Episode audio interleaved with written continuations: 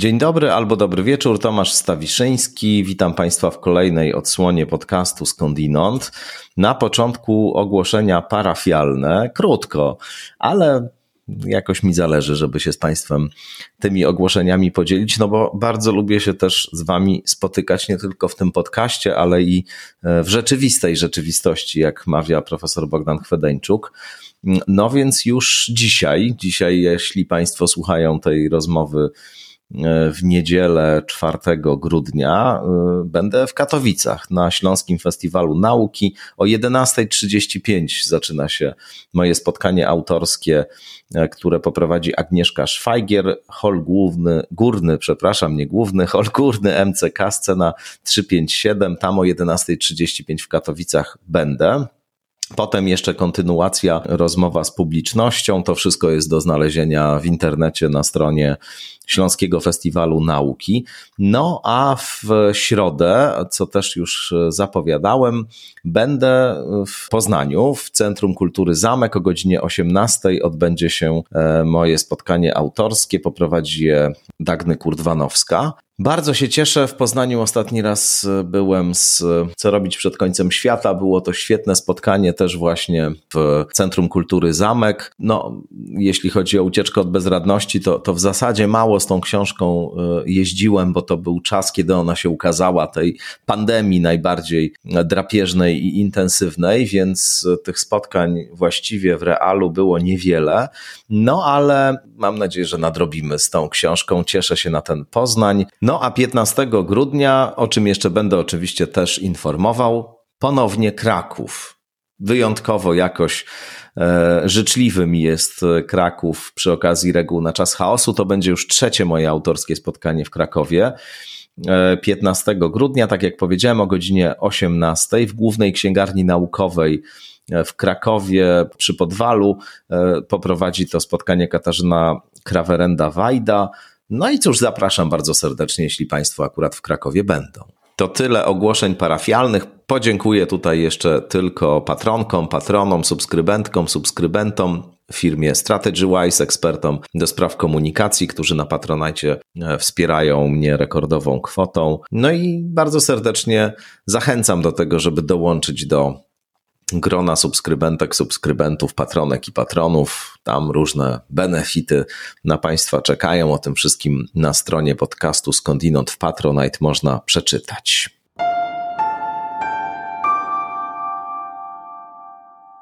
A dzisiaj naszymi gośćmi będą Karolina Wigura i Tomasz Terlikowski. Myślę, że nie muszę ich Państwu tutaj rozlegle przedstawiać. 2 grudnia w piątek ukazała się świetna książka Karoliny i Tomka, Polka ateistka kontra Polak katolik, 11 sporów światopoglądowych. Miałem tę przyjemność, że przeczytałem tę książkę no, długo przed publikacją, bo e, poprosili mnie autorzy o to, żebym napisał rekomendację tak zwanego blurba, co uczyniłem z wielką przyjemnością, bo naprawdę świetnie się tę książkę czytało. Nie tylko dlatego, że ona jest po prostu ciekawa, ale także dlatego, że czyta się ją z takim poczuciem, że coś tu się dzieje takiego, co wydarza się w Polsce niestety rzadko, czy też coraz rzadziej, że właśnie spotykają się ludzie z antypodów światopoglądowych i z taką otwartością, rozumieniem, wzajemną wyrozumiałością, także próbują ze sobą rozmawiać i nie próbują, rozmawiają po prostu i efekty są bardzo ciekawe. Zachęcam absolutnie wszystkich do lektury tej książki. Myślę, że to powinna być w Polsce lektura obowiązkowa. No i mam nadzieję, że także ta rozmowa, którą Karolina i Tomek odbyli w skądinąd, wyda się Państwu ciekawa i jakoś pożyteczna. Zapraszam wobec tego na rozmowę z Karoliną Wigurą i Tomaszem Terlikowskim.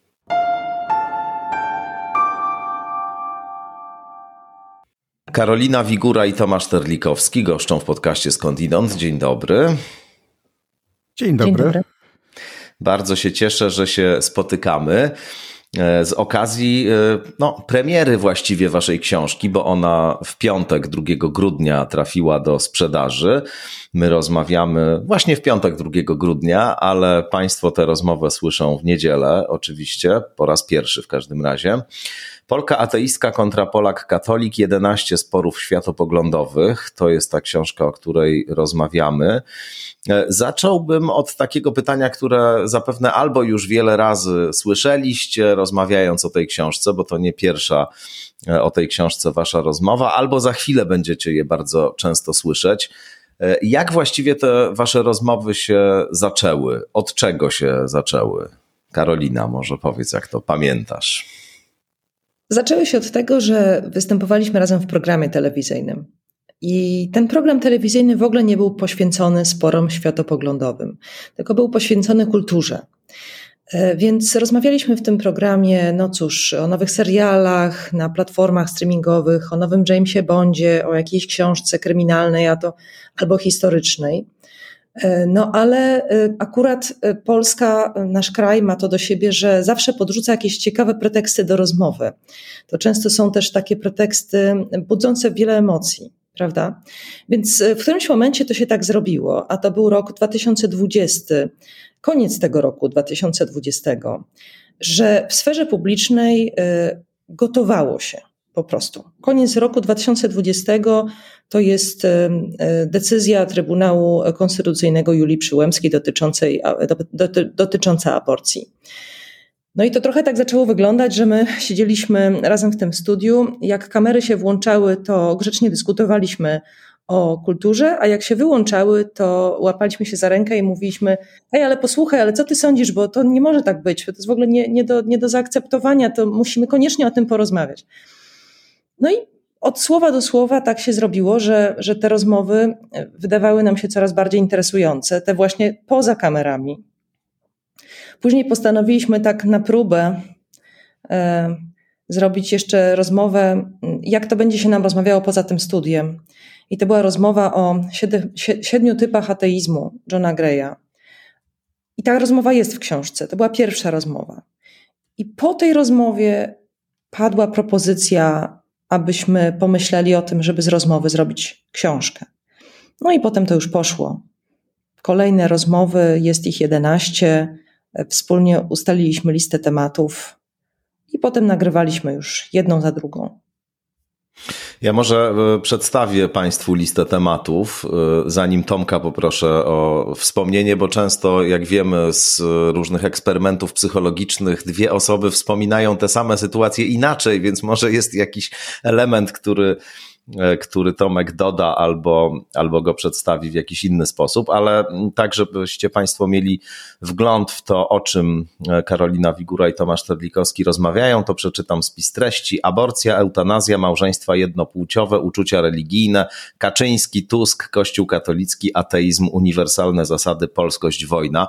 Rzeczywiście to są te wszystkie główne osie sporów e, politycznych i światopoglądowych w Polsce. Udało Wam się wszystkie te najbardziej drażliwe, najbardziej zapalne tematy w książce zawrzeć. Tomku, czy chcesz jeszcze jakoś skomentować ten moment inicjalny? Co do faktów nie ma sporu, to znaczy oczywiście to był program, tego się nie wytnie i to był program no, kulturalny na kompletnie inne inne tematy. To jest jakby pierwszy element. Drugi element, rzeczywiście pierwsza rozmowa to była rozmowa o ateizmie. Nie wiem, czy wtedy był już pomysł na dłuższe rozmowy na inne tematy. Chyba nie. To się pojawiło potem, bo ta rozmowa została bardzo ciepło przyjęta w różnych miejscach. W bardzo różnych miejscach. W związku z tym wtedy chyba Jarek Kuisz e, zasugerował, że a może by z tego zrobić książkę. No a potem rzeczywiście z różnymi przerwami, dłuższymi, krótszymi, program się skończył, a książka powstawała, tak bym powiedział. Mm. mm e, I, no i w końcu powstała, bo to wcale nie była taka krótka droga, tak bym powiedział. Nie chcę powiedzieć, że była trudna, bo to nawet nie chodzi o trud, tylko o to, że Obydwoje jesteśmy ludźmi zapracowanymi, więc różnie bywało z czasem, żeby te rozmowy nagrać, dograć, uzupełnić. To do siebie też mają takie gorące spory, że one się mm, rozgrywają często w e, konkretnym kontekście, w związku z tym pojawiają się nowe elementy. No, najbardziej nowym elementem była oczywiście wojna, bo kiedy zaczynaliśmy rozmowy, to jeszcze był pokój, a kiedy je mm, kończyliśmy, przynajmniej w Europie, no, tak powiedzmy uczciwie. A jak ją ukończyliśmy, no to, to bardzo wiele rzeczy zostało wywróconych do góry nogami właśnie przez wojnę.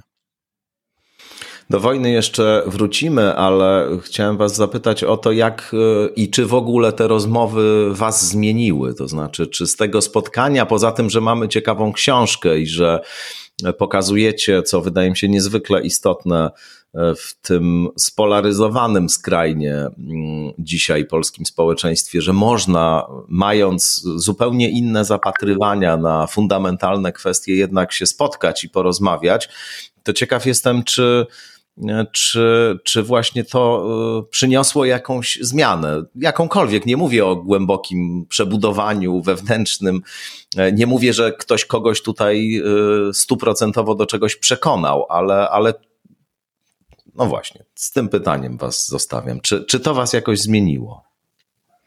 To jest bardzo ciekawe pytanie, Tomku, dlatego że wiele osób reagując na tę książkę, jeszcze zanim ona się ukazała, pytała nas, na pewno mnie, nie wiem czy nas to zaraz Tomek powie, ale jaki jest sens rozmawiać z osobą, której się nie da przekonać?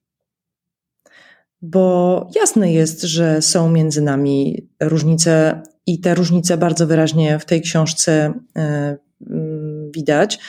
Jedna z osób, która już ją czytała, powiedziała mi, że a tak myślałem sobie, że to będzie taka książka, no wiadomo, ty jesteś taka centrowa, tu Tomasz Terlikowski się w ostatnim czasie zrobił taki bardziej liberalny, to co to będzie za dyskusja właściwie?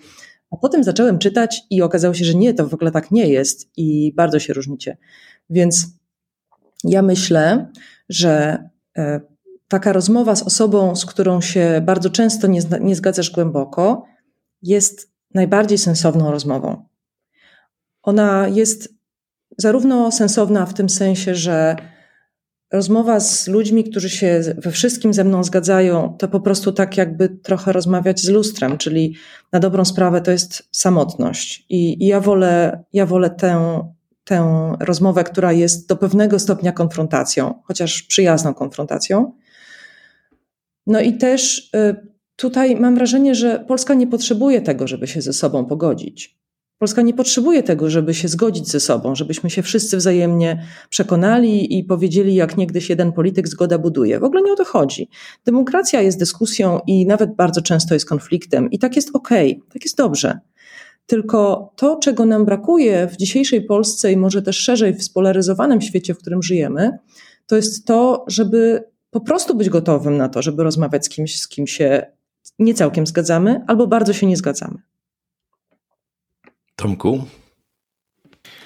No ja żartobliwie zacznę od reakcji na tę książkę. Po mojej stronie to padały takie zdania, e, tam dwa lata temu, jak pan, pan by rozmawiał, no to wtedy to by miało sens, bo wtedy pan był po, tamty, po naszej stronie, ale teraz to w zasadzie żadnej dyskusji nie będzie.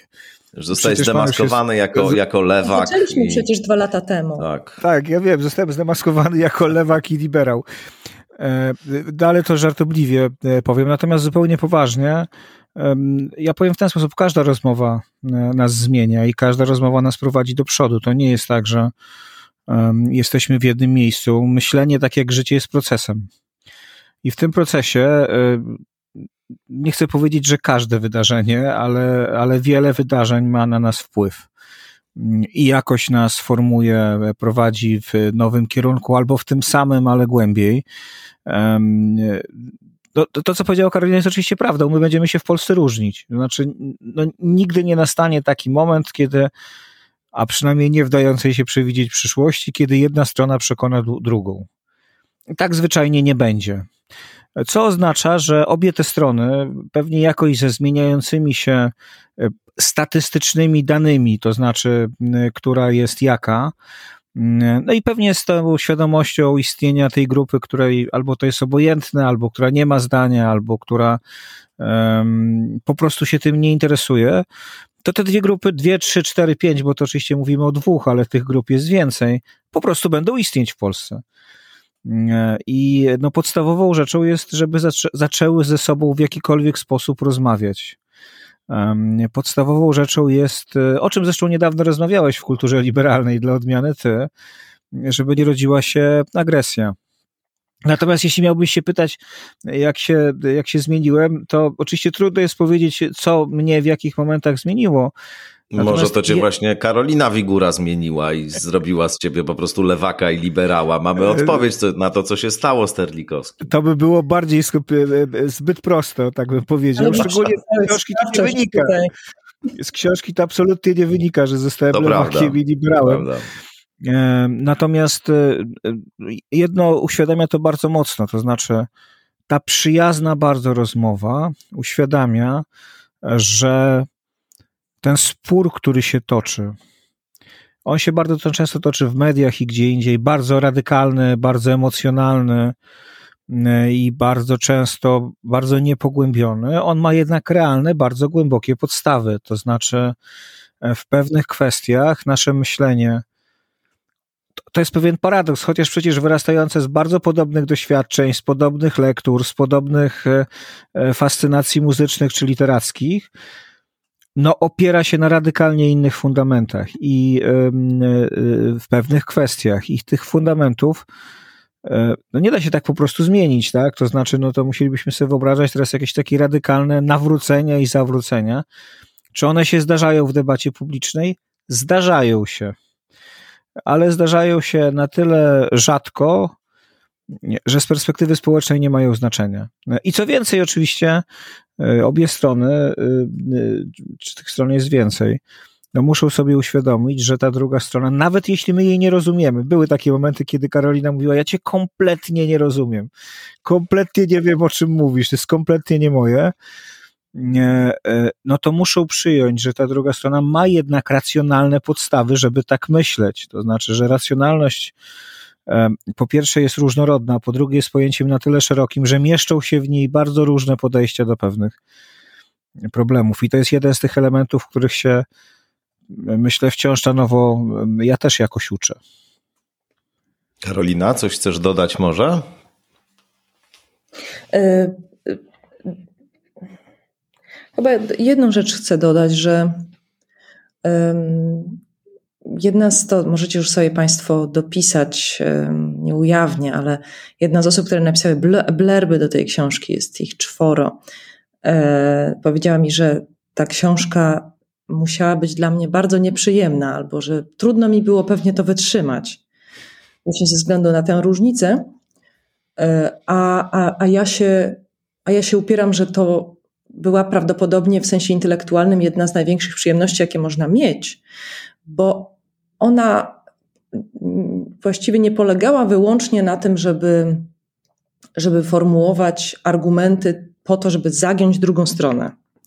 Chociaż staraliśmy sobie nawzajem zrobić trudność, mam wrażenie. To znaczy, rzeczywiście dokopaliśmy się do, do wszystkich tych argumentów, które stoją za naszym światopoglądem, ale to też było trochę takie wypowiadanie siebie na nowo, to znaczy wyartykułowanie tego swojego światopoglądu aż do samego końca. I to było też bardzo, bardzo ciekawe. Ja się też zorientowałam, i to jest moim zdaniem gdzieś jakaś taka rzecz do zrozumienia i przemyślenia jeszcze, że y, kiedy, kiedy widzę różnego rodzaju ataki na tę książkę, to to jest tak, jakby nie nas atakowano, tylko jakiś projekt y, budowania rozsądnego albo racjonalnego centrum, w którym ludzie nie tyle się ze sobą zgadzają, ale po prostu ze sobą rozmawiają. I bardzo dla mnie było ciekawym doświadczeniem, że często, kiedy właśnie formułowane są takie argumenty, że to nie, to z tym panem to w ogóle nie należy rozmawiać, bo on po prostu zupełnie inaczej myśli, albo w tej kon konkretnej sprawie inaczej myśli, to mnie się, e, to ja byłam głęboko przekonana, że w sensie takiego szacunku i przyjazności przy całych różnicach jest nam bliżej do siebie niż do radykalnych formu, sformułowań naszego własnego poglądu. Hmm. To jest bardzo ciekawe doświadczenie. Tak, tak, ja to też ja znam to doświadczenie jeden. zdecydowanie. To ja tu dodam jeszcze jeden element, y, y, bo on też jest dla mnie jakoś osobiście ważny no, żyjemy, co wielokrotnie wszyscy diagnozowali, w takiej sytuacji radykalnej laicyzacji. W takim momencie, kiedy opowieść chrześcijaństwa przestaje być zrozumiała. I ja nawet nie mówię o tym, że jest jakiś arcybiskup, który robi z niej y, pałkę polityczną, albo jest jakiś mm, ksiądz, który to samo robi, czy jakiś świecki polityk i tak dalej. To wszystko jest też prawda, ale to nawet nie o to chodzi. Chodzi o to, że ta narracja chrześcijańska przestaje być intersubiektywnie komunikowalna. Leżące u jej podstaw niektóre z założeń, niektóre z terminów, niektóre z um, takich struktur symbolicznych przestają być zrozumiałe dla świata. I to spotkanie z Karoliną było taką okazją, Karolina powiedziała, że e, pewne rzeczy trzeba było przemyśleć, czy wypowiedzieć na nowo.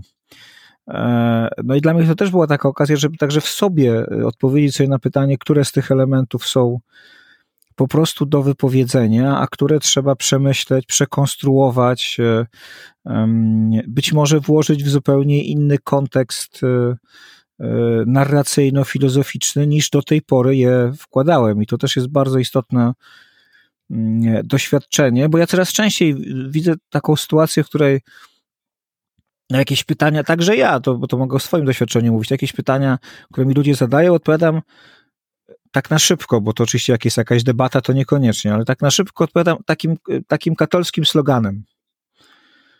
No Jezus do mnie powiedział, a ludzie do mnie mówią, ale to pan ma jakieś głosy? Nie? Ja mówię, no nie, właśnie głosów nie mam, to znaczy to zupełnie nie o to chodzi. I teraz e, oczywiście to jest, e, to jest pewna narracja, to jest pewien język, który w kontekście religijnym jest zrozumiały. No ale żyjemy w świecie, w którym język religijny, język symboliczny po prostu przestał być językiem dominującym i trzeba szukać opowiedzenia tego wszystkiego też na nowo, tak żeby też samemu siebie zrozumieć, bo przecież ja funkcjonuję w tym samym świecie, to, to nie jest jakiś inny świat. Jestem amiszem e, i nie, nie jeżdżę na koniku z wózeczkiem i nie posługuję się staropolszczyzną Jana Kochanowskiego, e, żeby zachować korzenie. No, to jest y, bardzo ciekawy wątek, który, który teraz się pojawił. To poszukiwanie języka, żeby móc rozmawiać z kimś, kto jest właśnie e, reprezentantem jakiegoś zupełnie innego światopoglądu czy, czy sposobu myślenia. E, ja myślę, że, że to jest w ogóle jeden z podstawowych problemów e, w polskiej sferze publicznej, że rozmawia się już prawie wyłącznie z uczestnikami tego samego pola światopoglądowego, że e, zamykamy się coraz bardziej w tych swoich obozach, bańkach, mówimy do już przekonanych. Właściwie te, tego typu spotkań czy tego typu rozmów, jak ta wasza, jest jak na lekarstwo. E, I wręcz mam wrażenie, to zarówno po prawej, jak i po lewej stronie, w tych różnych, e, zwłaszcza co bardziej radykalnych stronnictwach czy, czy formach, nierozmawianie staje się cnotą, a rozmawianie z kimś właśnie z antypodów e, światopoglądowych, e, no jest czymś, czego robić nie należy. Co jeśli się robi, to można się narazić na krytykę. E, to jest w ogóle jakieś zupełnie chyba nowe zjawisko. No do pewnego stopnia na tych skrajnościach zawsze występowało, ale ja coraz częściej widzę w sieci E, i e, dotyczy to bardzo często również różnych rozmów pojawiających się e, w kulturze liberalnej i w różnych innych miejscach, jakieś głosy oburzenia, że w ogóle podejmujemy, czy podejmuje się rozmowę z kimś z tamtej strony, przecież nie należy rozmawiać, to nie ma żadnego sensu tych ludzi nie należy promować i tak dalej, i tak dalej. Dostrzegacie to zjawisko, że nierozmawianie stało się czymś, co jest powodem do dumy dzisiaj. Ja nie chodzę tam, nie spotykam się, nie rozmawiam, a jak ktoś rozmawia, to w zasadzie e, naraża się na krytykę. Nie no, oczywiście, że tak, że tak jest. Y, w tym podcaście, do którego się już odwołał Tomek Terlikowski, czyli w tej rozmowie, którą Jarek Kuisz z tobą zrobił dla prawa do niuansu, jest takie sformułowanie, jak y, mówicie, że no tak, bo w gruncie rzeczy, żeby dzisiaj rozmawiać, to nie trzeba się w ogóle przygotowywać, wystarczy się oburzyć, prawda? Oczywiście. To oburzające, jak tak można, i już nic nie musisz wiedzieć. Więc e, to jest pewnie jakaś funkcja tego świata bardzo szybkiego, bardzo zestresowanego i bardzo pełnego obrazów, w którym żyjemy, że już nie musimy się do niczego przygotowywać. Więc w gruncie rzeczy nasze, nasze tożsamości zostają zastąpione jakimiś takimi gombrowiczowskimi gębami. I e, proszę bardzo, Tomasz Terlikowski zostaje kato talibem, a ja zostaję, no już nie wiem kim, symetrystką czy, czy kimś takim. E, może jeszcze, e, jeszcze jakieś epitety to możecie mi powiedzieć, bo ja szczerze mówiąc nie śledzę, ale W każdym razie to, to, to, to ja, ja to gdzieś zapisuję na, na konto takiego zjawiska, o którym pisze pięknie francuski socjolog Pierre Ronzon Vallon. On mówi, że jest coś takiego jak indywidualizm pojedynczości.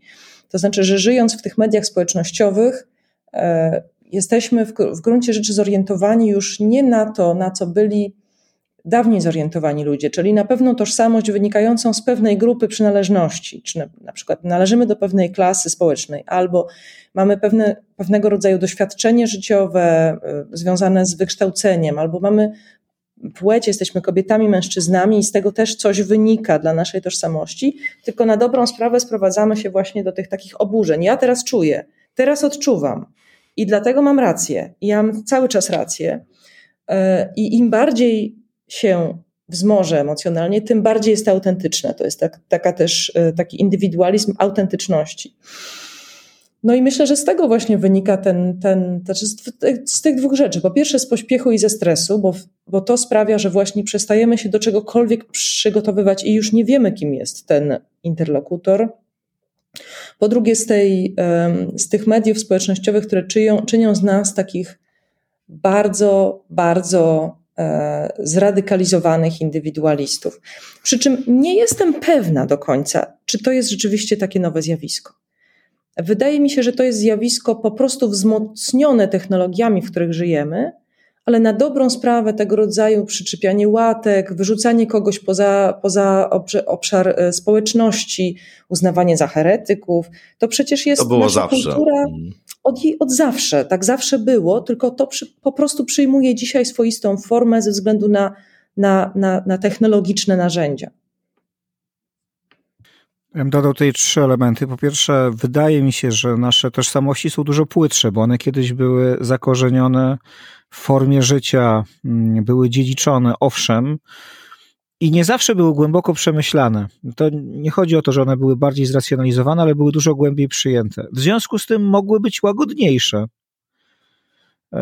To znaczy, mówiąc inaczej, one były tak głęboko uwewnętrznione, że nie musiały być tak radykalne. Były radykalne w sytuacji jakichś e, zaskakujących wydarzeń, nagłych, jakichś e, takich rzeczy, które były nieprzewidziane, ale poza tym one jakoś trwały. W tej chwili one są dużo płytsze i dużo mniej racjonalnie zakorzenione. O tym mówiła Karolina, bo jesteśmy, żyjemy w kulturze oburzenia, oburzu, no i oburz musi być odpowiednio radykalny.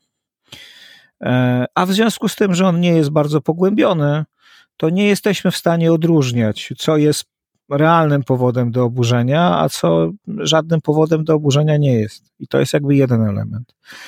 Po drugie, o czym wielokrotnie rozmawialiśmy, y, i to jest temat, który wracał już w telewizji, czyli w czasie tego programu, żyjemy w kulturze hipermoralnej, wbrew pozorom, to znaczy często moja strona mówi, że nie, nie, jest nihilizm, relatywizm. To nie jest prawda. To znaczy są takie tematy, które dla współczesnej kultury i dla współczesnej debaty są no, czymś fundamentalnie ważnym. E, I w tych sprawach nawet minimalne odstępstwo od normy, taki uznanie, że ktoś w młodości mógł się mylić, że ktoś mógł użyć niewłaściwego języka, że ktoś mógł powiedzieć coś nie tak, wywołuje natychmiastowy, e, natychmiastową taką anihilację, taką, taką, takie, takie wykluczenie. To w Polsce działa oczywiście jeszcze trochę słabiej, mm, ale w krajach zachodnich działa bardzo, bardzo e, mocno. No to jest, e, no to jest czasem chyba podcastów i słyszę, jak ludzie tłumaczą, dlaczego używają terminu Indianie, na określenie pierwszych narodów i dlaczego, o ile w Kanadzie tego się nie robi, to w Stanach Zjednoczonych wolno. E, to jest bardzo charakterystyczna narracja, bo ona pokazuje, że trzeba się zabezpieczyć przed e, tym, tym, tą kategorią moralnego, bardzo głębokiego oburzenia. I jest trzeci element, moim zdaniem, też bardzo istotny. Otóż e, my cały czas żyjemy w kulturze postmonoteistycznej, to znaczy w kulturze, która potrzebuje mieć jeden uniwersalizm. On może być inny niż dotychczasowo, on może nie być chrześcijański, ale ma być jeden. I podczas kiedy realnie żyjemy już w świecie, który jest pluralistyczny, jest pluralistyczny wewnątrz tych uniwersalizmów, bo mamy uniwersalistów chrześcijańskich, mamy uniwersalistów, nazwijmy ich, to jest oczywiście umowne określenie, laickich czy liberalnych, No ale mamy też całe już przestrzenie, w których funkcjonują inne religie, czasem radykalnie odmienne. Czy to jest islam, który jest osobnym uniwersalizmem, też monoteistycznym, ale jednak innym niż chrześcijaństwo. Ale mamy całą grupę religii, które w ogóle nie są uniwersalistyczne, które mogą się spokojnie pogodzić z tym, że istnieją mm, inne wizje świata. I teraz nauczenie się żyć w świecie, w którym nie jest tak, że jest jeden uniwersalizm i ewentualnie przyjęcie do wiadomości, mniej lub bardziej pokojowe, mniej lub bardziej otwarte, mm, że są mniejszości, które dają się podporządkować naszemu uniwersalizmowi, ale przyjęcie do, jakby do takiej pełnej świadomości tezy, że to jest świat rzeczywiście realnie głęboko różny i że nie da się tej różnicy zamieść pod dywan, nie da się jej zniwelować, to jest coś, co przed nami nie stoi. E, nie będziemy już żyć w takim świecie e, postmonoteistycznym, czyli takiego jednego uniwersalizmu. On będzie, no będzie uzupełniany przez, e, nie chcę powiedzieć, że świat postpoliteistyczny, bo to nieprawda, to raczej będzie jakiś, jakaś nowa forma. Chantal del Sol o tym też bardzo tak mocno pisze, że jakaś nowa forma powrotu do, do tego, co było przed chrześcijaństwem, czyli do kultur, w którym moralność jest zakorzeniona nieco w innych kwestiach. Ona jest nadal i w którym pluralizm religijny, jeżeli w ogóle możemy o nim mówić, bo to jest też taki termin jednak postchrześcijański czy chrześcijański, ale ten pluralizm będzie, będzie czymś bardziej naturalnym, ze świadomością, że te dwa poprzednie elementy będą powodować silny hipermoralizm i silne wykluczanie, jeśli tylko będzie możliwe, przynajmniej części z poglądów z debaty publicznej. Dla mnie to jest ciekawe takie napięcie pomiędzy moralizmem i moralizatorstwem a wartościami. E, bo to jakby to może iść w parze, ale nie musi. I wydaje mi się, że też e, kiedy, kiedy to mówisz, co mówisz Tomku, to, to ja trochę słyszę, że jest różnica pomiędzy moralnym oburzeniem czy oburzem, jak powiedziałeś, a e, rzeczywiście myśleniem wartościami. I bo to myślenie wartościami wymaga y, chyba czegoś trochę więcej niż tego emocjonalnego wzburzenia. Y, dlaczego to mówię? Bo, bo chyba najciekawszym elementem tych pierwszych rozmów, które są w książce, to znaczy rozmowy o eutanazji i o aborcji, jest to, że ostatecznie okazuje się, że my jesteśmy zwolennikami tych samych wartości. I kiedy. Tak, to jest to bardzo ciekawe zobaczyć, w ogóle. Tak, i to można zobaczyć wtedy, kiedy się właśnie odsunie te moralne wzmożenia. E, kiedy się, kiedy się powie, że dobrze, to przyjrzyjmy się, jak to tak naprawdę wygląda. Chyba najwyraźniej to widać w rozmowie o eutanazji, gdzie my oboje mówimy, tak, chodzi o to, że my chcemy bronić życia tylko my bronimy życia w zupełnie inny sposób. Nie chcę powiedzieć, że diabeł tkwi w szczegółach, bo to jest sprowadzenie takie e, czegoś, czegoś wydaje mi się interesującego do, do, do takiego dosyć płytkiego przysłowia, ale ale tak rzeczywiście jest, że zaczynamy w tych dwóch rozmowach od wartości, które są w gruncie rzeczy wspólne, po czym okazuje się, że na, pod, na, poziomie szczegółów jest zupełnie inny wniosek i ten wniosek jest uzasadniony e, na e, filozoficznymi argumentami na dwa różne sposoby. To jest jakby pierwsza uwaga i druga uwaga jest taka, że też to moralne wzburzenie ono zasłania bardzo wiele rzeczy językiem. I właśnie między innymi ten porządek wartości zostaje zasłonięty językiem. To my robimy z kolei w tej e, rozmowie o aborcji, gdzie zanim zaczynamy e, rozmowę filozoficzną, to mówimy sobie zaraz, chwileczkę, najpierw o języku. Jest takie sformułowanie, które ja bardzo chętnie cytuję. E, jego autorem jest Michał Łuczewski. On kiedyś napisał taki esej Walka płodów z macicami. To znaczy, na, na pewnym etapie moralnego wzburzenia to jest tylko i wyłącznie walka y, o pojęcia, w której jedna strona zasłania się, mówiąc, y, to są płody, y, i koniec, a przerwanie ciąży jest po prostu zabiegiem medycznym, a druga strona mówi: nie zabijajcie dzieci, a nawet czasami y, jest autoafirmacją wolności i różnych innych bardzo pozytywnych wartości. Oczywiście, oczywiście. O wolności też zresztą rozmawiamy, ale tam jest taka propozycja, żeby przez chwilę wyjść z tego języka, żeby przekroczyć ten język. Y, państwo ocenią, do jakiego stopnia to jest udana próba, ale żeby wyjść z tego języka i przyjąć język, który jest, który pozwala się poruszać właśnie w obszarze wartości, w obszarze tego, że na przykład argumentować można, że tu nie chodzi ani o macicę, ani o płody, ani o zabijanie dzieci, tylko chodzi o życie ludzkie. I na tym poziomie, to jest zresztą propozycja Dworkina, żeby tak zrobić, na tym poziomie możemy się spotkać na tyle, żeby porozmawiać bez uprzedzeń. No i tak próbujemy. No, to jest e, w ogóle mm, niezwykle ważne, co się wydarza w tych waszych rozmowach, bo myślę, że jednym z podstawowych problemów i, i zarazem jedną z podstawowych cech takiego stanu polaryzacji charakterystycznego nie tylko przecież dla Polski dzisiaj, choć w Polsce to jest, myślę, szczególnie intensywne i się nakłada jeszcze na takie zadawnione różne spory i podziały, ale jedną z tych charakterystycznych cech jest właśnie to, że postrzega się kogoś, kto myśli inaczej, czy też tego y, wyobrażonego ideowego przeciwnika, jako człowieka, który y, jest i w głębokim błędzie, i w jakimś sensie jest y, moralnie zły, ma złe intencje, i to bardzo dobrze widać w sporach o aborcję czy eutanazję, gdzie po jednej stronie mamy ludzi, którzy sądzą, że ci, którzy mają w tej sprawie odmienne zdanie, to mordercy dzieci, ludzie, którzy chcą te dzieci mordować z radością. Po drugiej stronie e, z kolei widzi się e, przeciwnika ideowego jako kogoś, kto chce wyłącznie zniewalać e, kobiety i kto jest jakimś fanatycznym właśnie zwolennikiem najbardziej jakichś dra dramatycznych, dramatycznych sytuacji, w których przedkłada się zawsze rodzenie nad, nad wszystko inne.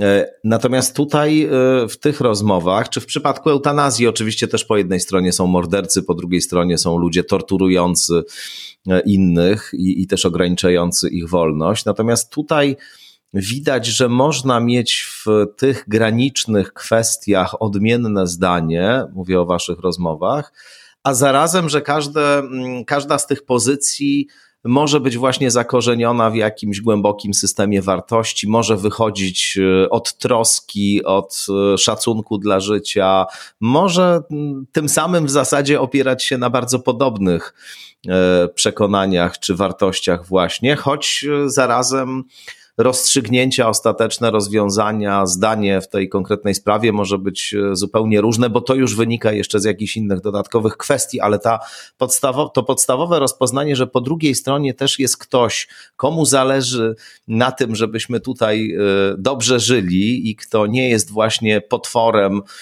pozbawionym serca, tylko kimś, kto ma to serce w tym samym miejscu, w którym my je mamy, to, to mi się wydaje niezwykle ważne, choć zarazem może to być bardzo niebezpieczne, to co wy tutaj robicie. A dlaczego niebezpieczne, to powiem w, kolejnej, w kolejnym swoim wejściu. To ja bym dodał jeszcze jeden element, bo w obu tych rozmowach, mm, czyli i tej o eutanazji, i tej o aborcji, ta eutanazja była o tyle prostsza, że pewne e, zaszłości były mniejsze, tak bym powiedział, językowe. Ale w obu przypadkach mam wrażenie, dochodzimy do takiego momentu, w którym mówimy, w tych kwestiach będziemy się różnić głęboko. Ale jest ileś kwestii, które musimy Z razem tego, przepraszam rozwiązać. Się w ogóle, od tego się w ogóle zaczyna pierwsza wasza rozmowa o aborcji, że konstatacja jest taka, że kompromisu tutaj być nie może. Tak, ale jest ileś kwestii, które nawet bez kompromisu trzeba załatwić, tak? To znaczy, i to jest bardzo trudne dla obu stron przyznanie z jednej strony, że no, trzeba e, stworzyć, bardzo często stworzyć, nie tylko naprawić nie tylko ulepszyć, ale stworzyć system realnej pomocy osobom e, zajmującym się, e, zajmującymi się osobami, innymi osobami niepełnosprawnymi, z opieką wytchnieniową, z głęboką pomocą i tak dalej, to jest coś, co przed nami stoi i y, możemy się fundamentalnie różnić w ocenie y, wyroku Trybunału Konstytucyjnego. Możemy się fundamentalnie różnić w różnych kwestiach, ale zawsze będą opiekunowie osób niepełnosprawnych. Nie, no nie stworzymy świata, w którym ich nie będzie. I musimy stworzyć system takiej pomocy. W przypadku eutanazji, E, już zostawiam na boku cały ten element debaty, co jest eutanazją, a co nią nie jest. To szczególnie mocno dotyczy eutanazji biernej. czyli tych rozstrzygnięć, w których czasem granica między zaprzestaniem uporczywej terapii, a zaprzestaniem terapii nieuporczywej jest płynna, jest dyskusyjna, no to mamy cały zestaw pytań o prawo medyczne, które też wymaga doprecyzowania. Ja pamiętam taką rozmowę z pewnym profesorem prawa, e, którego lekarka pracująca na ojomie zapytała: Panie profesorze, jakie są procedury odłączenia osoby od e, aparatury? E, on do niej mówi: Proszę pani, polskie prawo jest tak skonstruowane, że może pani być skazana według tych samych przepisów i w tej samej sytuacji albo za odłączenie, albo za nieodłączenie. E, bo wszystko zależy od tego, jak się zachowa rodzina i jak się zachowa e, sędzia, jakie będzie miał opinie i jakie dostanie opinie od lekarzy, czyli kto je będzie wystawiał. Mamy kompletnie nieprecyzyjne prawo. I znowu, różniąc się w kwestii eutanazji, no, trzeba dojść do konkretnych zapisów, które będą tą kwestię precyzowały i to nawet czasem poniżej tego głównego sporu, to znaczy poniżej sporu, czy eutanazja tak, czy eutanazja nie. I to też jest dość istotna, istotna rzecz, która niestety jest przesłonięta przez polską debatę. Myśmy z jednym tematem się do pewnego stopnia nie zmierzyli, on się pojawia w innych miejscach, ale to jest pytanie osoby transpłciowe. I teraz e, e, możemy toczyć głęboki spór na temat transpłciowości czy procedury uzgodnienia płci. E, natomiast to w niczym nie zmienia faktu. I to jeszcze parę lat temu mówili politycy prawicy, że trzeba zmienić krzywdzący te osoby model procedury prawnej, która umożliwia im uzgodnienie płci. To teraz trzeba pozywać rodziców do sądu. Tak, dokładnie o to chodzi i to jest zapis rzeczywiście skandaliczny. I teraz nie musimy się zgadzać co do teraz, co do wszystkich ocen, tak, i co do, co do wszystkich kwestii, no ale jeśli zgadzamy się co do tego, że szacunek dla drugiej osoby jest istotnym elementem prawa i jest istotnym e, e, elementem moralności, no to nie powinniśmy egzekwować przepisów prawnych, które w ten sposób e, dotykają najgłębszej tożsamości innej osoby. I powiem, parę lat temu naprawdę to nie było bardzo dyskusyjne. Ja znałem wielu polityków prawicy i nie mówię tylko o Jarosławie Gowinie, no bo on jest taki dość oczywisty, którzy mówili, to trzeba zmienić. W tej chwili każda taka sugestia oznacza przejście do drugiego obozu, tak? To znaczy, to jest y, paradoks. I pewnie Karolina mogłaby opowiedzieć o takich historiach po drugiej stronie, bo to jest czasem z własnej strony widzi się lepiej, e, ale, ale to jest dramat, że my tak się angażujemy mm, w ważne spory, żeby nie było wątpliwości, nikt z nas nie neguje ważności tych sporów, że nie jesteśmy w stanie czasem rozwiązywać tych sporów poniżej, bo zdaje się, że zdaje, zdradzamy te najważniejsze. To jest swoją drogą bardzo ciekawy przykład. Ja myślę, e, ja myślę, że jest więcej tematów, których nie poruszyliśmy. Może będzie jakiś sequel, jak to się mówi, bo tam jest jeszcze przecież e, choćby e, prawa zwierząt, klimat. No, oczywiście, że osoby transpłciowe. I ta sprawa, ten temat jest w ogóle niesamowicie interesujący, dlatego że on sam jest przykładem e, kompletnego zablokowania się debaty publicznej. To prawda. I no to jest w ten sposób z naszej strony, e, z mojej strony e, tej dyskusji, to też jest całkowicie zablokowane, dlatego że nie ma języka wspólnej rozmowy wewnątrz tego obozu, który jednocześnie zakładałby szacunek, empatię i możliwość, że ktoś ma wątpliwości. E, to jest e, moim zdaniem, e, i, to, to w ogóle bardzo ciekawe, co powiedziałeś, Tomku. Nawet bym chciała, żebyś powiedział o tym więcej. To znaczy, w jaki sposób po Twojej stronie, jeśli mogę, mogę tak mówić, Twoja, moja, ale dobra, już niech będzie, w jaki sposób po Twojej stronie doszło do tego zablokowania? Bo z całą pewnością po, po tej stronie tak zwanej liberalnej, to zablokowanie polega na tym, że. Yy, yy, tak jak mówię, nie ma wspólnego gruntu do rozmowy, która byłaby właśnie pełna dobrych intencji, ale jednocześnie pozwalano by na to, żeby zgłaszać wątpliwości. nie ma przestrzeni takiej empatii wobec zarówno osób, które przeżywają dramat i, i, i bardzo potrzebują korekty płci, jak i tych osób, które postanowiły o detranzycji, czyli o powrocie. Nie ma moim zdaniem języka, E, kłopot z tożsamością w tej debacie polega na tym, że to nie sam mówiący ją sobie przyznaje, tylko w efekcie pewnych wypowiedzi zostaje się kimś, czyli zostaje się tak zwanym terfem. I oczywiście są też osoby, które robią sobie nazwisko na tym, że zostają tym terfem. To też tak jest. E, że nagle ktoś. Tak, ta rady, radykalizacja tego rodzaju też istnieje i to, to nie, tak, niekiedy dajmy, przybiera dajmy formę naprawdę. Tak. Dajmy panią Rowling, która ewidentnie robi nazwisko tym. To znaczy, i to jest w ogóle bardzo zastanawiające, że tak utalentowana pisarka, która przecież może, może robić mnóstwo innych rzeczy, jak zobaczymy jej media społecznościowe, to ona w gruncie rzeczy zajmuje się głównie tym. E, to jest, e, to jest zastanawiające i, i jednocześnie martwiące, bo to jest bardzo poważny temat. E, nie w tym sensie, żeby osoby transpłciowe były liczną grupą, bo nie są, ale przemiany tożsamości seksualnej u nastolatków obecnych są powszechną i bardzo istotną sprawą społeczną, o której powinniśmy rozmawiać. No i szkoda, że brakuje tego, tego gruntu. No, może w sequelu y, rzeczywiście podejmiecie tak, ten temat, tak. Bo, mhm.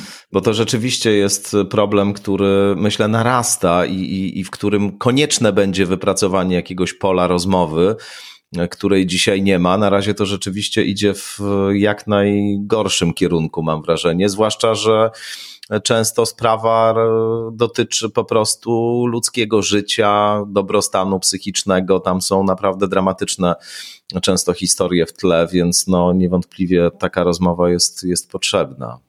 Karolina mnie trochę wywołała, więc, mm. więc ja dodam, e, z czego się bierze takie zablokowanie po tej, nazwijmy to umownie, bo ja nie wiem, czy moja strona się do mnie przyznaje, to też jest oczywiście prawda, e, z kilku rzeczy. Po pierwsze, rzeczywiście dotykamy tutaj takich problemów, które są bardzo głębokie tożsamościowo, no bo jednak dla ogromnej większości osób ta, ta tożsamość płciowa jest istotna.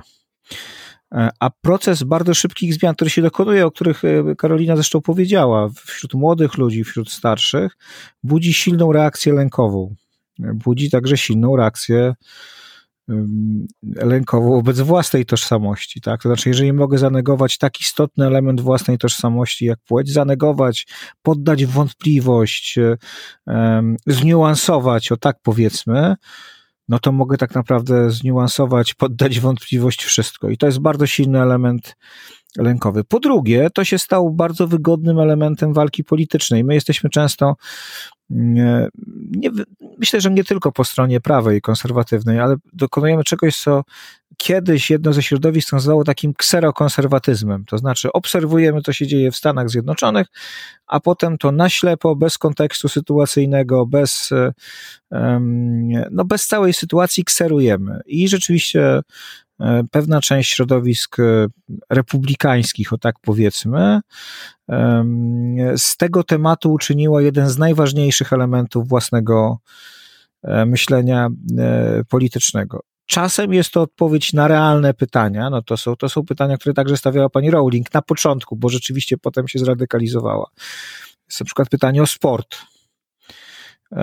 i o potencjalną możliwość dyskryminacji na przykład kobiet, cis kobiet przez, przez transkobiety. To są realne pytania, na które trzeba sobie odpowiedzieć i przez zablokowanie debaty po jednej stronie, no bo to natychmiast się pojawia krzyk, następuje zablokowanie po drugiej. A na to się nakłada lęk,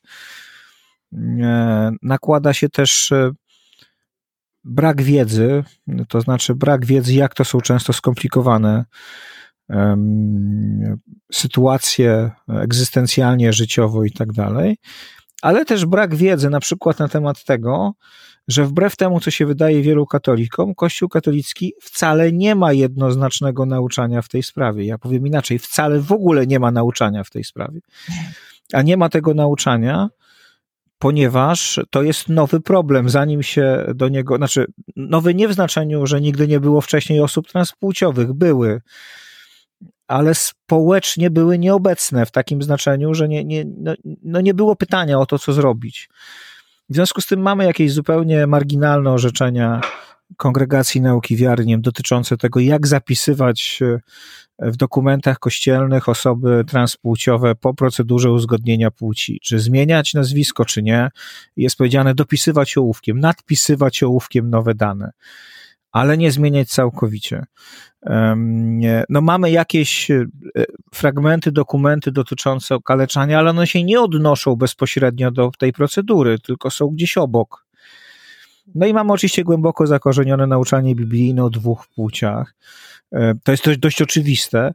Natomiast to wcale nie oznacza, że nie ma żadnej, żadnej możliwości e, otwarcia, doprecyzowania, czy w ogóle sformułowania tego nauczania ale tego bardzo wielu, już nie mówię polityków, ale także ludzi wierzących po prostu nie wie.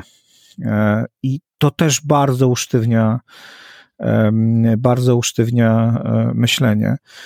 Także to, to są te powody. E, no i wreszcie to się stał temat już wprost takiej rąbanki politycznej. Jak to jest rąbanka polityczna, przepraszam, no to, to nie ma w niej miejsca na niuansowanie E, stanowisk, bo jak nie Temat wiecowy to się zrobił, Tem, tak, temat no, wiecowy. W stylu wiecowym się nie dyskutuje.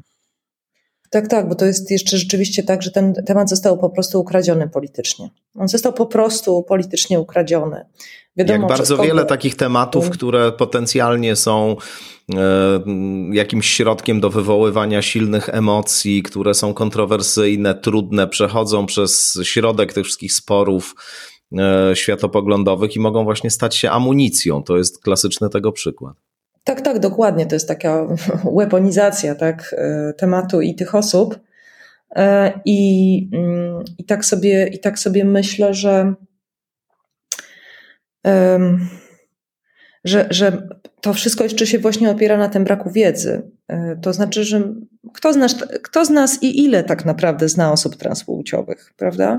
Jakie, jaką my mamy wiedzę e, osobistą, statystyczną? Chciałam Wam opowiedzieć o, o filmie, który ostatnio widziałam dokumentalnym na, w telewizji Arte. Tam jest taki film, można go zobaczyć też w internecie. On się nazywa Czy można zmienić, czy można cofnąć korektę płci? I to jest świetny film, dlatego że on oferuje empatyczne opowieści. On, opowiada o kilku e, bohaterach i bohaterkach. Jest jeden e, mężczyzna transpłciowy, który jest w trakcie tranzycji i e, widz oglądając to kibicuje mu. Widzi, dobrze, jest naprawdę dobrze, to, to świetnie, świetnie, że to robi, że może to zrobić. Jest opowieść o kobiecie, która dokonała tranzycji i wycofała się z niej i jest bardzo nieszczęśliwa i też widz ogląda i myśli, jak bardzo jej współczuje, prawda? To jest e, opowieść o niej. Jest też znakomita opowieść o, o lekarce, która e, zmieniła, e, zmieniła płeć, stała się kobietą i została w swoim dotychczasowym związku. I to jest przepiękna opowieść, jak, jak, jak, jaka miłość w tym związku, jaka akceptacja. Bardzo piękne, ale jest to też opowieść o tym, bardzo się często mówi, a bo to internet, te dzieci siedzą w tym internecie, ale tak naprawdę to świetną opowieścią w tym filmie jest również e, niewiedza lekarzy, znaczy, że lekarze sami, że psychologowie, że psychiatrzy potrafią doprowadzić do bardzo lekkomyślnych decyzji, e, ponieważ sami się nie znają. To jest e, niesłychanie ciekawy element tego filmu i tam jest całe ten takie poczucie takiego ciężaru, że niektórzy z tych młodych ludzi trafiają na świetnych specjalistów, którzy im naprawdę pomagają, a niektórzy trafiają na ludzi, którzy po prostu nie mają wiedzy. I to jest y, realne wyzwanie nie tylko dla prawa, o czym już powiedzieliśmy, ale to jest także wyzwanie dla, y, dla psychoterapeutów i dla psychiatrów, jako grupy dostarczającej wiedzy i prowadzącej tych ludzi. No, w zasadzie mamy tutaj zalążek e, kolejnej rozmowy do kolejnej części, także gdybyście chcieli skorzystać z e, tego nagrania, to nie ma problemu. E, copyright w pełni udostępniam. No, chciałbym jeszcze nawiązać do tego mm, metapoziomu, na którym przez dłuższy czas byliśmy, rozmawiając trochę o potrzebie rozmawiania właśnie. Powiedziałem, że te pozycje, które zajmujecie w rozmowie, czy w ogóle sam fakt takiego rozmawiania może być niebezpieczny. Otóż słuchałem ostatnio bardzo ciekawej rozmowy Billa Maera z samym Harrisem. Ja sama Harrisa niezwykle poważam i, i uważam go za jednego z naj E, inteligentniejszych niewątpliwie dzisiaj e, ludzi e, w, uczestniczących w takiej światowej publicznej debacie. I bardzo sobie cenię tą jego pozycję, która jest właśnie pozycją bardzo nieoczywistą. To znaczy, on jest krytykowany i z prawej, i z lewej strony bardzo żywiołowo, dlatego że w zasadzie nie wpisuje się w takie, w takie wyraziste, jednoznaczne dzisiaj podziały. I e, on ostatnio skasował konto na Twitterze. Po jednej z wypowiedzi spłynęła na niego jakaś straszliwa fala hejtu. E, I nie dlatego, że się jakoś tym załamał, ale dlatego, że w ogóle od pewnego czasu uważał Twittera za dość groźne narzędzie, zdecydował się na likwidację tego swojego konta. Natomiast w tej rozmowie z Maerem mówi coś takiego, że ktoś, kto właśnie zajmuje taką pozycję centrową, on zresztą od dawna postuluje jakiś rodzaj nowego centrum, czy zdefiniowania jakiegoś rodzaju nowego centrum politycznego, e, które, które nie, będzie, e, nie będzie w takich oczywistych e, modelach lewicy i, i, i prawicy się centrować, tylko będzie wychodziło od jakichś zupełnie nowych założeń. O tym, o tym można by długo rozmawiać, o tym całym jego projekcie, ale mówi, zajmowanie takiej pozycji dzisiaj w momencie, kiedy na przykład powie się coś e, kontrowersyjnego, co e, będzie nie po linii tych takich oczywistych podziałów, jest w tym sensie niebezpieczne, że nikt cię nie będzie bronić. To znaczy, że kiedy właśnie e, tego rodzaju fala hejtu, wykluczenia, wściekłości spłynie na ciebie, ponieważ na przykład twoje słowa zostaną jakoś źle zinterpretowane, ze złą wolą, co się zdarza nagminnie, zwłaszcza w mediach społecznościowych, kontekście także tych tematów, które poruszacie, nie będzie żadnego plemiennego odruchu solidarności z tobą po żadnej ze stron, a dzisiaj to dokładnie w ten sposób się rozgrywa. To znaczy, albo się jest w jednym obozie i wtedy ten obóz e, staje za tobą murem, jak mówisz unisono z nim, albo w drugim i wtedy jest e, zupełnie na odwrót. Natomiast w momencie, kiedy próbujesz przekroczyć te podziały, to narażasz się na to, że w pewnym momencie wszyscy obrócą się przeciwko tobie. E, że w pewnym momencie staniesz się kimś, kto, kto będzie właśnie dla, dla obu tych stron bardzo niewygodny. I zastanawiam się, jak, jak o tym myślicie. Mam wrażenie, Tomku, że ty już się trochę stałeś taką, taką osobą, że właściwie jesteś niewygodny dla, dla obu stron. E, I e, no właśnie, ale jak też w kontekście tych waszych rozmów patrzycie na, na coś takiego? Rozumiem, że zostałem wywołany. Tutaj Karolina się tak patrzy, bo my się też widzimy, o tak bym powiedział. To nie jest może oczywiste dla słuchaczy e, podcastu. Znaczy ja powiem w ten sposób. Oczywiście e, jest coś w tej diagnozie Harrisa. To znaczy rzeczywiście to nie jest wcale takie zawsze sympatyczne i proste. Ale to szczególnie dotyczy mediów społecznościowych. To znaczy ten odruch działa szczególnie mocno e, w tej przestrzeni. Natomiast jak się z niego wychodzi, jak się spotyka z ludźmi, to oczywiście nie jest tak, że się nagle stajesz dla wszystkich wygodny.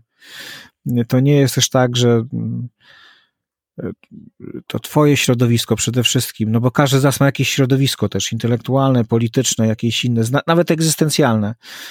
E, że, że to od razu wszyscy są tym zachwyceni. Nie, no zawsze jest jakieś tam, ktoś mówi, coś narzeka, coś nie rozumie i tak dalej. Ale z drugiej strony spotyka się na tym szlaku bardzo wielu ludzi, którzy mówią, no wreszcie, no wreszcie ktoś chce rozmawiać, no wreszcie to ktoś, e, no wreszcie ktoś mi wyjaśnił, e, dlaczego wy tak myślicie, albo, albo spróbował się spojrzeć w nowy sposób. Więc o ile w mediach społecznościowych to jest odruch, e, które pewnie każdy, którego każdy z nas doświadczyło. Ty też doświadczyłeś, Tomku, nieraz takiego momentu, kiedy Oczywiście. nagle wszyscy się odwracają. W mediach społecznościowych to w świecie realnym to jest jednak trochę inaczej. To znaczy, no oczywiście mamy, mamy plemiona, które chcą bardzo, bardzo mocno pewnych rzeczy.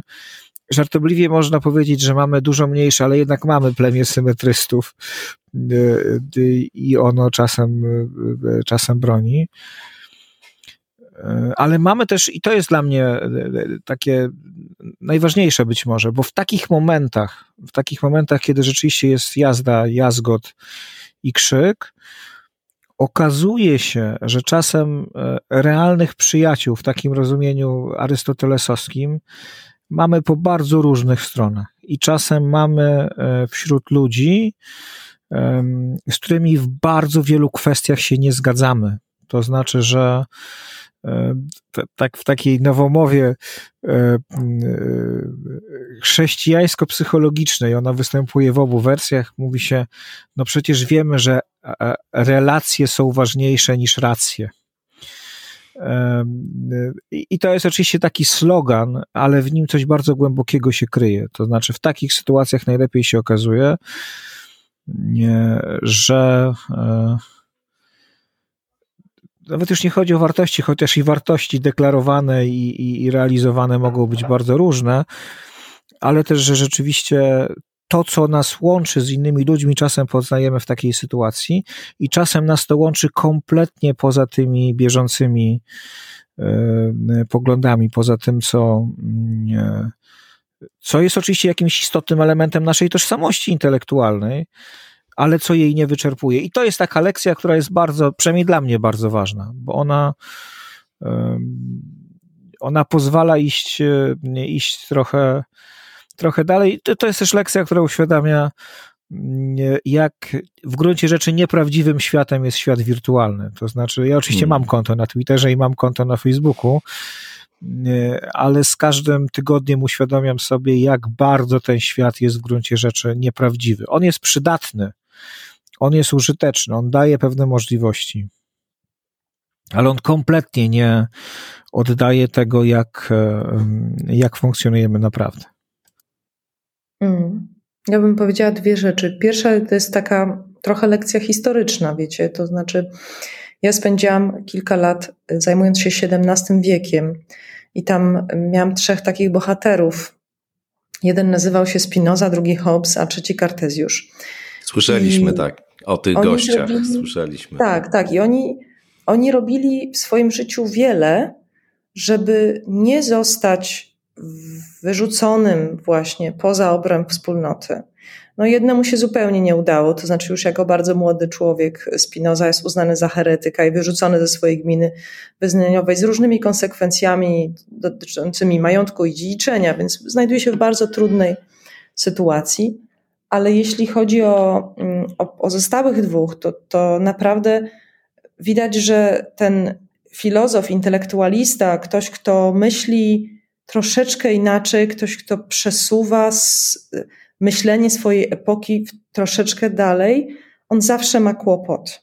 On zawsze ma kłopot i oni robią bardzo dużo, żeby nie zostać e, usuniętym poza obręb swojej wspólnoty. Chyba, chyba najbardziej e, paradoksalnym takim, takim zakończeniem, puentą tego jest, że E, dzieła Tomasza Hobbesa zostały spalone zaraz po jego śmierci. Na dziedzińcu biblioteki jego uniwersytetu, co jest tylko o jeden stopień lepsze niż spalenie go jako heretyka za życia. Prawda? Więc. Więc, e, Powiedziałbym, z to, jego perspektywy to jest jednak dużo lepsze. To znaczy, lepiej jak płoną książki po śmierci, niż jak płoniesz ty. On dożył długiego, bardzo zaawansowanego wieku, chociaż już pod koniec życia nikt nie chciał publikować tego, co, co pisał, e, ale to już jest zupełnie inna historia. Natomiast, czyli krótko mówiąc, chodzi mi po prostu o to, że mm, pewna osobność jest zawsze traktowana, e, jest zawsze niebezpieczna. I to nie jest cecha naszej epoki, to jest cecha naszej kultury. W końcu E, jednym z mitów założycielskich naszej kultury jest też historia Sokratesa. No i to, to, to także jest historia tej osobności, która się kończy tragicznie. Więc to zawsze jest niebezpieczne. Natomiast czy to jest prawda, że, że media społecznościowe nie są prawdziwym światem, a ten świat realny jest bardziej, bardziej jak, jakiś taki mm, mniej agresywny? Ja nie jestem przekonana o tym. To znaczy, z jednej strony oczywiście się zgadzam, że to narzędzie, te narzędzia, te feedy, one są One się karmią tymi radykalnymi namiętnościami, tak są zbudowane te algorytmy, my się tak mamy zachowywać tam. I zgadzam się też, że one są przydatne e, do, jeżeli ktoś chce coś powiedzieć i być usłyszanym.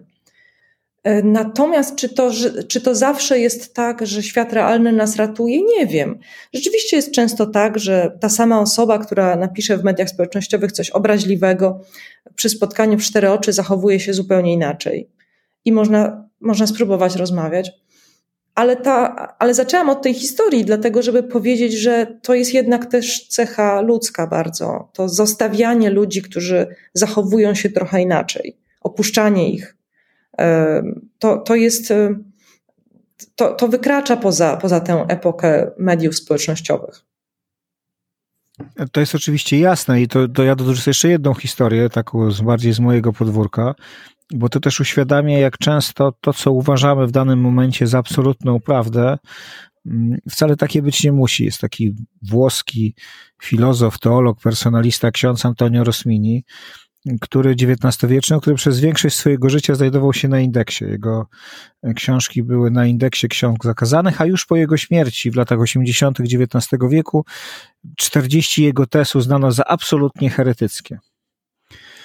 W 2001 roku, czyli no dobrych sto kilkanaście lat po jego śmierci, kardynał, jeszcze wtedy kardynał Ratzinger e, i Kongregacja Nauki Wiary uznała całe jego nauczanie za ortodoksyjne, a w 2007 roku tenże sam Ratzinger, tylko już jako Benedykt XVI, beatyfikował Antonio Rosminiego.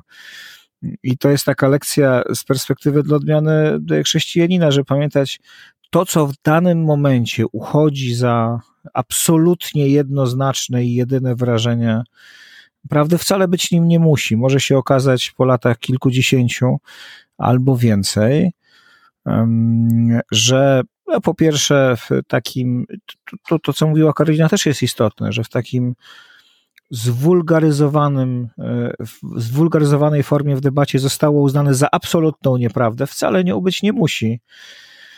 A po drugie, że rzeczywiście y, osobowości czy jednostki wybitne no, widzą trochę, mm, trochę inaczej, czasem być może trochę lepiej. Co oczywiście nie oznacza, że się nie mylą też, bo to, to, to też jest bardzo, y, bardzo istotne. I, I tu jeszcze jeden element bym dorzucił też, żeby pamiętać w tym naszych oburzach, bo o tym trochę nie mówiliśmy, żeby nie rzutować naszych oburzeń zawsze na przeszłość. To znaczy, możemy ją ocenić, e, ale żeby ją dobrze ocenić, to trzeba ją najpierw dobrze zrozumieć. To znaczy też przyjrzeć się źródłom pewnych, e, pewnych założeń. Nie, żeby się z nimi zgadzać. To nie, niekoniecznie chodzi o to, żebyśmy się mieli z nimi zgadzać, tylko żeby wiedzieć, z czego pewne tezy wyrastały. A co jest Waszym zdaniem takim najważniejszym warunkiem możliwości e, takiej rozmowy, jak ta, którą prowadzicie? Myślę już o takiej skali szerszej, społecznej, w Polsce na przykład. E, czy to jest, na, nie wiem, jakaś zdolność do tego, żeby jakiś krok w tył e, wykonać, trochę się wycofać z pewnymi swoimi roszczeniami, nazwijmy to, z pewnymi zamierzeniami co do tego, jak modelować e, rzeczywistość, także dla tych, którzy naszych przekonań nie podzielają. Tu są takie momenty w Waszej rozmowie, kiedy na przykład mówicie, że że ponieważ mamy sytuację szczególną, sytuację wojny, to też e, taka niezwykle intensywna dyskusja, czy spór, czy antagonizm wokół e, pewnych kwestii światopoglądowych. Można na przykład gdzieś wziąć w nawias, można e, potraktować to jednak nie aż tak zapalczywie, no bo właśnie warunki są dookoła takie, że że niekoniecznie akurat w to trzeba angażować całą energię, ale no właśnie, co, co, co by było takim podstawowym, fundamentalnym przesłaniem, nazwijmy to, e, dla tych, którzy chcieliby dzisiaj pójść tą samą drogą. Ja myślę w ogóle, że nie ma innej drogi niż ta. To znaczy, jest oczywiście droga e, jakiejś, nie wiem, radykalnej, coraz bardziej wojny e, pomiędzy tymi z grubsza dwoma obozami światopoglądowo-politycznymi w Polsce i na razie ta wojna trwa w najlepszej chyba nikt e, póki co nie zamierza się z tego e, swojego zaangażowania w nią wycofać, ale na dłuższą metę to może prowadzić tylko do destrukcyjnych konsekwencji. Pewnie będzie jakiś czas, kiedy właśnie trzeba będzie usiąść do stołu. Jakbyście także na podstawie waszego własnego doświadczenia z tego spotkania e, taki rodzaj rekomendacji dla tych, którzy chcieliby również e, pewne, e, pewne swoje takie uwikłania w tę polaryzację przekroczyć, jakie by były te wasze rekomendacje? Namawiasz nas do tego, żebyśmy formułowali reguły na czas chaosu? Troszeczkę tak. Bardziej na czas rozpierduchy, przepraszam za brzydkie wyrażenie. No tak, to prawda. To zostanie, zostanie wypikane. E, więc e, ja, ja, ja, ja, sobie, ja sobie myślałam, e, kiedy mówiłeś, że tam jest taki ciekawy spór rzeczywiście w rozmowie o wojnie, czy my powinniśmy zawieszać te spory światopoglądowe, czy nie. I Tomek jest bardziej zwolennikiem powiedzenia, że tak, a ja raczej, że to się nie da, to się nie uda i nawet, i nawet być może, być może to nie jest y, dobry pomysł z tego powodu, że że Polacy, my Polacy jesteśmy doskonali w jednoczeniu się wobec wroga zewnętrznego. E, więc, e, a potem, jak już ten wróg zewnętrzny znika, to jesteśmy znakomici w tym, żeby się z powrotem skłócić. I to wynika z naszej historii. Dopóki mieliśmy wroga zewnętrznego przed 89, to też potrafiliśmy różne rzeczy robić, tu Solidarność na przykład, prawda? A potem nagle się okazało, że we własnym państwie to już nie takie proste i wszyscy się pokłócili. I z tą wojną jest trochę tak samo. E, ale, ale tak sobie myślę, że chyba nie ma jednej jednej, jednego sposobu na to, co mówisz. Ja mogę powiedzieć o moich osobistych sposobach, bo to chyba jest ważniejsze niż takie formułowanie takich bardzo generalnych. Ja nie, nigdy nie byłabym pewna, czy one są dla, dla kogoś innego mm, przekonujące.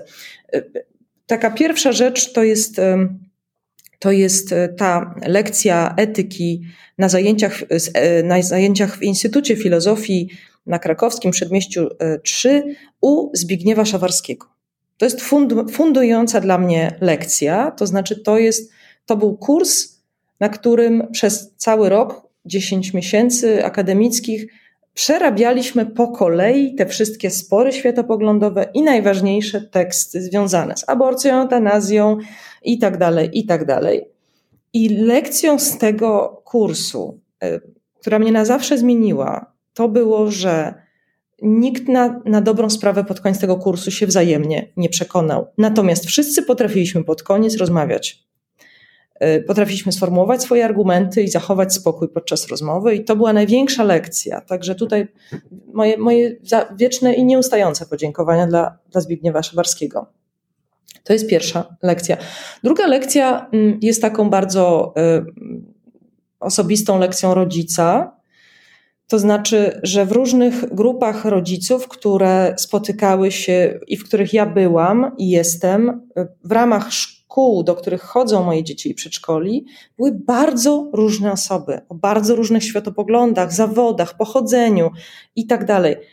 I to, że, że, że właśnie patrzyliśmy na siebie i robiliśmy coś zupełnie niezwiązanego z naszymi poglądami. Na przykład robiliśmy teatrzyk dla dzieci razem, każdy się wcielał w jakąś śmieszną postać i jednocześnie przy okazji gdzieś, trochę jak w tym programie telewizyjnym, od którego zaczęliśmy, przy okazji gdzieś tam zapytaliśmy, a co ty sądzisz o tym i o tym, to, to też jest bardzo istotne takie doświadczenie. To też może być doświadczenie przy tym stole wigilijnym, gdzie przecież siadamy wszyscy, albo większość z nas siada tego 24 grudnia, czy wierzący, czy niewierzący, to jest jednak tradycja w naszym kraju, i spotykamy tam bardzo różnie myślące osoby. I czy to naprawdę musimy, musi być tak, że albo się kłócimy, albo milczymy? Może jest jeszcze jakiś inny sposób. To dwa. No i jeszcze trzecia rzecz. To jest y, coś na temat tego, czy możemy nauczyć jakoś nasze dzieci, żeby one w przyszłości miały właśnie ciekawość, a nie chęć walki z tym, co jest trochę inne. Dla mnie fundującym doświadczeniem jest, jak mam pięć lat i jedziemy do Nigerii na 6 miesięcy. I doskonale pamiętam moją rozmowę. To jest jedna z takich rzeczy, które zapadły, tak jak w dzieciństwie zapadają takie wspomnienia pojedyncze. I doskonale pamiętam moją rozmowę z moim tatą. Jedziemy na targ I ja mówię, tato, jak to jest możliwe, że ci wszyscy ludzie wyglądają tak samo? A on mówi, oni nie wyglądają tak samo. Musisz ich poznać bliżej i wtedy zrozumiesz, że są tak samo inni od siebie jak my. Ale oni, jak nas widzą po raz pierwszy, nas, to też im się wydaje, że wszyscy wyglądamy tak samo. I to jest absolutnie fundująca lekcja e, dla mnie. To znaczy, że musisz poznać bliżej i wtedy zrozumiesz. Ale na początku musisz mieć świadomość tego, że nie, nie widzisz, ty po prostu nie widzisz na początku. Twój mózg tego nie widzi. I, i myślę, że, że jeżeli mamy czegoś uczyć nasze dzieci, to moglibyśmy też starać się, żeby one przebywały w różnych odmiennych środowiskach, zarówno tych kulturowych, jak i tych światopoglądowych. To ja zacznę od góry, a potem zejdę na dół. Ostatnio miałem taką rozmowę bardzo ciekawą z profesorem Antonim Dudkiem, który mówi do mnie: Zobacz, żyjemy w mieście, w którym mamy pomnik Witosa, pomnik Piłsudskiego, e, rondo Dmowskiego, E, jeszcze Ronda Nierewicza, pamiętając oczywiście, że to trochę inny okres, ale, ale istotny, mówi, co to oznacza? No to oznacza, że ludzie, którzy się wzajemnie, a jeszcze Paderewskiego mamy oczywiście, którzy się wzajemnie nienawidzili szczerze, szczerą, głęboką, dozgonną nienawiścią i którzy stworzyli ruchy, które partie, ruchy, organizacje, które były jeszcze bardziej agresywne, bo, bo ta przemoc wylewała się często po prostu w formie fizycznej, o wiele bardziej niż w naszych. W tej chwili są w jednym mieście. I wszyscy, w ogóle nikomu to nie przeszkadza. Oczywiście no, ktoś zaprotestuje przeciwko Dmowskiemu, ktoś zaprotestuje przeciwko komuś innemu, ale generalnie oni funkcjonują. Mówi, i wiesz, wyobrażam sobie, że jak będę miał 90 kilka lat, to umówię się z jakimś kolegą na placu Lecha Kaczyńskiego, do którego będzie prowadzić ulica e, czy aleja Aleksandra Kwaśniewskiego i będzie się krzyżować z ulicą Donalda Tuska.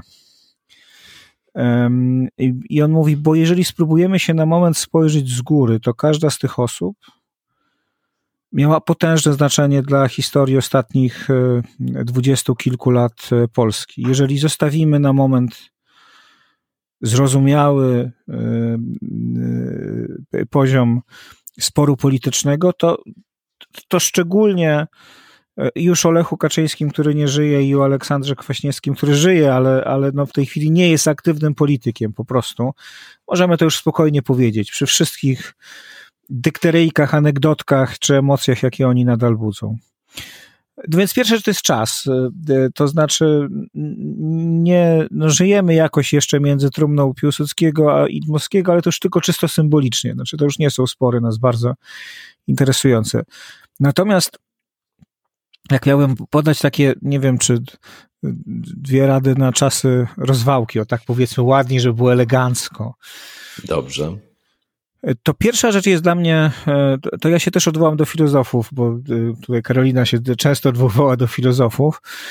Pierwszym z nich, e, i potem powiem o dzieciach też, też, żeby było tak samo. Pierwszym z nich będzie Lewinas, który jest dla mnie jakoś filozofem formacyjnym, to znaczy od czasów studenckich i ta jego prawda o twarzy, przez którą mówi do nas, no on powie Bóg oczywiście tym takim językiem E, jego judaizmu, przecież też z jednej strony bardzo intelektualnego, a z drugiej strony też jednak dość tradycyjnego wbrew pozorom. Mm, ale możemy równie dobrze powiedzieć, patrzy na nas to wezwanie, najbardziej fundamentalne wezwanie etyczne. On mówi nie zabijaj, ale możemy powiedzieć nie rań, nie niszcz. Więc zobaczenie, to jest jakby ten pierwszy element, to znaczy to, to trzeba zobaczyć. Tego trzeba doświadczyć, w tym trzeba się jakoś, e, jakoś spotkać i to bardzo radykalnie zmienia perspektywę. Drugi element, przy całej świadomości krytyki Kołakowskiego, fantastycznej, jaką przeprowadził wobec poszukiwania pewności przez Husserla, przynajmniej jeden z elementów troszkę spłyconego, troszkę zwulgaryzowanego jego poszukiwania pewności by nam się bardzo przydał. Otóż Husserl proponuje nam, żebyśmy szukali eidos, istoty i żebyśmy pomijali to, co w tym, jak postrzegamy świat, jest tylko przypadłościowe, tutaj jako język Tomasza wchodzi, ale co jest poboczne, nieistotne, co jest, co jest zmienne.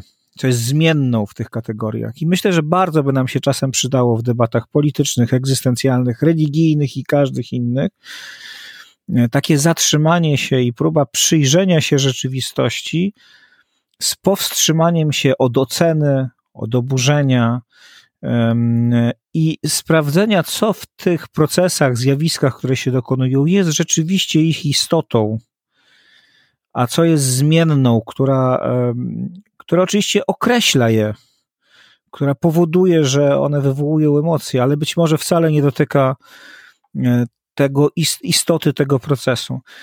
I dopiero potem, żebyśmy zaczęli ze sobą rozmawiać. To oczywiście wymaga e, pewnej ascezy intelektualnej, wymaga pewnego zatrzymania. E, natomiast wydaje mi się, że innej drogi zwyczajnie nie ma po prostu. I, I ostatni element, Karolina mówiła o swoim doświadczeniu w Nigerii. Ja pamiętam, jak e,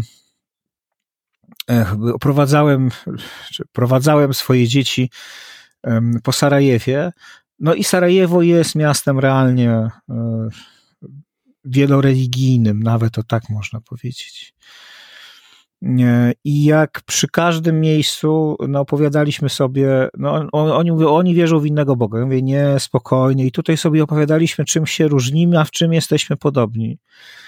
Ale też mam wrażenie, że takim najmocniejszym dla każdego z nas, także dla tych dzieciaków, które przecież niektóre były jeszcze maleńkie, tym najmocniejszym momentem były te, na pewno pamiętacie, one czasem są już zatarte, ale w miejscach, gdzie zginęli z rąk snajperów, mieszkańcy i mieszkanki Sarajewa są takie e, no, no, zaznaczone, namalowane, wydrapane ślady ślady krwi po prostu, tak? To znaczy, y, i, i to były takie miejsca, w których ta emocja jakaś była najmocniejsza, bo sobie próbowaliśmy to jakoś powiedzieć, a jakoś uświadomić, że jeśli z poglądów no przecież tam bardzo istotnych, bo określających, no, nie zawsze istotna była religijność jako relacja z kimkolwiek, ale była istotna jako bardzo głęboki element tożsamości narodowej, bo przecież nawet nie językowej, bo oni mówili w gruncie rzeczy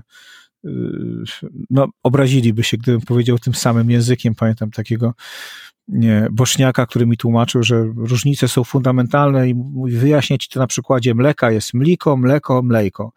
No ja mówię, no to rzeczywiście jest tak głęboka różnica, że to no, po prostu nie sposób zrozumieć, jak jeden mówi do drugiego. To się zmienia, ten język się oczywiście rozchodzi, to jest, to, to jest też osobna kwestia z różnych powodów, ale, ale to religijność, czy, czy ta tożsamość religijna określała tę różnicę, to jeśli ona nam zasłoni tą rzeczywistość, no to nie chcę powiedzieć, że się zawsze kończy rozlewem krwi, bo to nie jest prawda, ale symbolicznie zawsze się kończy rozlewem krwi. I to jest e, coś, nawet jeśli ludzie nie giną, to, to ginie człowiek w znaczeniu tej twarzy, od której zacząłem Lewi Nasowski. I to jest, jak mi się zdaje, jedyna długoterminowa droga. Czy wszyscy ją podejmą?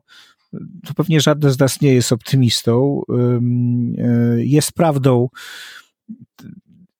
bo w dużej mierze między nami nie było sporu o to, czy, czy, e, czy wojna nie usprawiedliwia zawieszenia pewnych sporów, tylko raczej o to, czy to jest możliwe i czy ma długoterminowo sens. To była istota sporu, jak sądzę, ale tutaj nie chcę się, nie chcę jakby tutaj narzucać czegokolwiek. Natomiast y, tylko w ten sposób możemy pójść trochę chociaż do przodu, ze świadomością, że przynajmniej od tej grupy, nazwijmy ją liderów opinii, y, no można wymagać odrobinę więcej niż tylko, czy oni sami od siebie mogą wymagać odrobinę więcej niż tylko podgrzewania emocjonalnego sporów, bo to jest wygodne i to rzeczywiście daje cudzysłów, dużo lajków. I pozwala się wygodnie zakorzenić e, w swojej bańce. No tylko e, my wiemy już w tej chwili, bo wojna to uświadomiła bardzo mocno, że przed nami stoją bardzo realne pytania, na które albo odpowiemy jakoś razem przy świadomości wszystkich różnic. Albo rzeczywistość odpowie na nie za nas. Wydarzy się, a nie my podejmiemy jakąś decyzję. I to zazwyczaj kończy się gorzej dla społeczności, dla państwa e, czy dla wspólnoty, nawet tak podzielonej jak nasza. Karolina, jeszcze coś ad vocem chcesz dodać może na koniec? Ja myślę, że to będzie dobra puenta e, naszej rozmowy wobec tego. Polka ateistka kontra Polak katolik, 11 sporów światopoglądowych. To jest książka, która się 2 grudnia ukazała nakładem Fundacji Kultura Liberalna. E, autorów miałem przyjemność gościć w podcaście Skądinąd. Bardzo serdecznie Wam dziękuję i za tę książkę, i za te rozmowy niesamowite, i za nasze spotkanie, i naszą rozmowę. Karolina Wigura i Tomasz Terlikowski. Bardzo dziękuję. Dziękuję. Dziękujemy bardzo.